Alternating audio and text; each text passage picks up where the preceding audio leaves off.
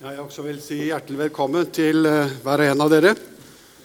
Det er spennende å starte på et nytt semester, og jeg håper at dere vil trives her i misjonssalen. At vi kan eh, ha det godt i lag på alle måter. Teksten som er satt opp, det er altså fra Matteus 23, eh, og vi leser fra vers 37 i Jesu navn.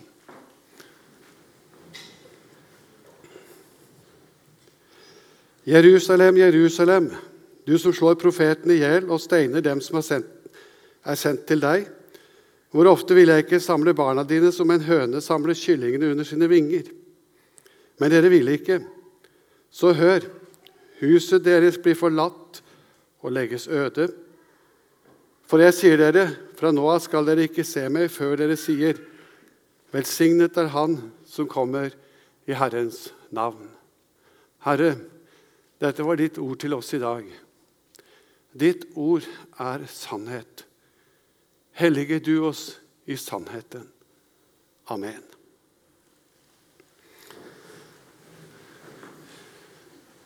Tekstene som er satt opp på denne søndagen, har en fellesnevner. En rød tråd. Og jeg tror vi kan samle det ordet sorg sorg over folkets situasjon.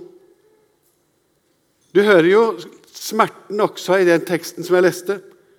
Hvor ofte ville jeg ikke samle dere, som en høne samler sine kyllinger, men dere ville ikke. I en av de andre tekstene så står det slik Jeg hadde svar til dere som ikke spurte. Jeg søkte etter dere selv om dere ikke søkte meg. Og en tredje tekst som jeg kommer litt tilbake til, hører vi om at Paulus han plages av en stor sorg og har en smerte for sitt folk. En sorg over de som ikke vil, de som ikke bryr seg om Gud. Først og fremst er det altså en sorg ifra Jesus sitt hjerte. En smerte i hans indre. Han fikk, står det i en annen tekst, en medfølelse, en sterk medfølelse for dem. Og hva har så denne sorgen sin grunn i? Jo, det var dette at folket De ville ikke høre. De var herjet og forkomne, lik får uten hyrde. Sorg over at mennesker går fortapt. Og I denne teksten som vi leste, så er det en tilleggsdimensjon i dette. Nemlig at de hadde hørt profetene forkynne. De hadde hørt profetene formane til omvendelse men de ville ikke vende om. De ville ikke ta imot budskapet. Det går en linje helt ifra Bibelens første bok, hvor Gud allerede i den svale kveldsbris på fallets dag sender ut den første innbydelse til det falne mennesket. Adam, hvor er du? Og Det er jo ekko av dette ropet fra himmelen som profetene forkynte inn i israelfolket. Men mange, altfor mange ganger, erfarte profetene denne smerten, sånn som Jesus i dagens tekst. De ville ikke ta imot. Tidligere i kapittel 23 i Matteusevangeliet, som teksten er hentet fra, så hører vi domsord som Jesus forkynner over Israels folk. Særlig over lederskapet, de skriftlærde og fariseerne. Dere er utvendig, står det, som hvitkalkede graver men på innsida er de fulle av dødningebein. Og i stedet for å ta imot denne domsforkynnelse og bøye seg for den og si at det er sant, Gud, det du sier om meg, det er sant, det profetene sier, så begynte de å forfølge profetene, og noen drepte de. Dere ville ikke. Dere ville ikke. Det er kjærlighetens smerte. I begynnelsen av Matteusevangeliet har vi det vi kaller for saligprisningene. Salig er de fattige. Dere er salige når noen forfølger dere. Salig er dere som sørger. Det er den lille flokken, den lille gruppen, som hørte og tok inn over seg det som profetene forkynte. Ord til dom og ord til frelse. De er salige sjøl om de ikke alltid følte det slik. Sjøl om de sørget, og sjøl om de var redde, sjøl om de hadde det vondt. Ja, de var til og med i en slik situasjon verdens lys. Det er liksom det motsatte av det som vi hører om i dag.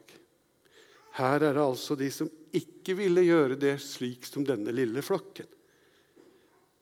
De som eh, ikke ville høre når dommen ble forkynt. Og så går forkynnelsen til Jesus i teksta mer over ifra å være en direkte domsforkynnelse til å bli mer og mer et smertelig klagerop. Det er det vi hører. Et klagerop, en indre smerte ifra Jesus. Det viser oss at bak de domsordene som blir forkjent, så er det ikke en kynisk dommer uten hjerte. Uten smerte i sitt hjerte. En ufølsom mann som bare tenker på at 'nå er retten min krenket'. Nei, vi ser på mange måter inn i dommerens hjerte, som elsker så høyt at han kjenner om å klage over det som han der forkynner. Det er derfor domsforkynnelsen nå blir mer og mer et klagerop. Og dette gjenspeiler litt av hele Guds hjerte, som vi hørte fra fallets første dag. Det er Guds faderhjerte som speider etter den fortapte. Det var det profetene ville formidle. Og på en måte så er det dette som er misjonens store smerte også. Vi ser inn i Guds hjerte, vi ser inn i Jesu hjerte. Og vi hører om Paulus sin smerte, som vi kommer litt tilbake til. Men det er dette som er egentlig bakgrunnen for all misjon. Jesus hadde altså en inderlig medfølelse, en inderlig smerte som førte til handling. Og Leser vi litt videre i teksten, etter teksten, så hører vi at denne medfølelse, denne kjærlighet, denne smerte førte ikke bare til et klagerop, men til en redningsaksjon for menneskene. Da han gikk inn under dommen for vår synd og for vår skyld og døde for oss alle. Det er verdens viktigste og største redningsaksjon. Misjonssambandet, som denne forsamling er en del av, har tatt på seg et oppdrag, eller fått et kall, og det er å forkynne evangeliet for alle folkeslag. Og mottoet vårt er 'Verden for Kristus'. Tenk for et flott motto. Verden for Kristus. Ja, for vi kan minne hverandre om den lille Bibel. For så høyt har Gud elsket verden, at han ga sin sønn den enbårne, for at hver den som tror på ham, ikke skal gå fortapt, men ha evig liv. Gud sendte ikke sin sønn til verden for å dømme verden, men for at verden skulle bli frelst ved ham. Den som tror på ham, blir ikke dømt. Den som ikke tror, er allerede dømt fordi han ikke har trodd på Guds enbårne sønn. Jesus han minner om at Jerusalem, eller folket i Jerusalem, i stedet for å ta imot budskapet til dom og frelse, slo i hjel profetene. Ja, de steiner de som ble sendt til dem. Og ikke lenge etterpå så opplever Jesus selv dette å bli hengt på et kors. Så ser vi den store linje helt ifra den første dagen da kallet gikk ut, og til redningsaksjonen som Jesus gjorde på Golgata. Men denne søndagens lesetekst, som jeg ikke har blitt lest, men som jeg skal kommentere så vidt, og jeg skal lese den nå litt etterpå, den handler også om jødefolket. Og vi ser at det handler også prekenteksten om. Sier noe om jødefolket, om Israel. De, dette folk som fikk retten til å være Guds barn. Dette folk som er Guds utvalgte folk. Dette folk som hadde paktene, loven, tempelkisten og løftene, dette landet som Abraham, Isak og Jakob stammer fra. Ja, dette folk som Frelseren kommer fra. Dette folk som forkastet kallet fra Gud og opplevde også det dramatiske i år 70 etter Kristus. Kanskje var det en oppfyllelse av den profetien som vi har lest sammen i dag. At tempelet ble nedrevet, Jerusalem ble ødelagt og inntatt av romerne. Og fortsatt så er det mye hat og mye vanskeligheter dette folket opplever. Ja, Vi kan se tilbake til, etter, til siste verdenskrig også, da det ble gasset i hjel seks millioner av dem. Og mange steder i verden så opplever jødene fortsatt hat og forfølgelse.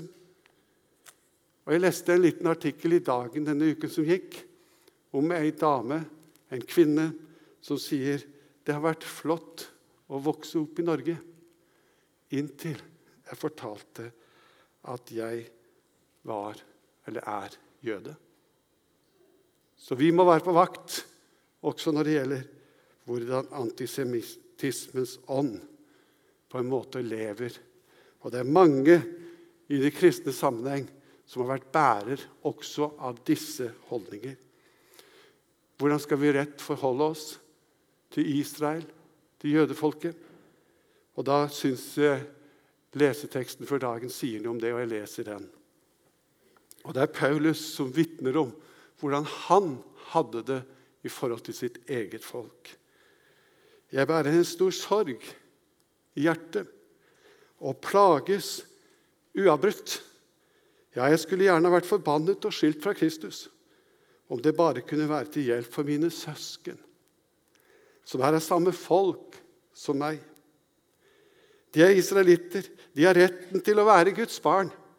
Og herligheten, pakten, loven, tempelkisten og løftene tilhører dem. De har fedrene, og fra dem stammer også Kristus, han som er Gud overalt, velsignet i all evighet.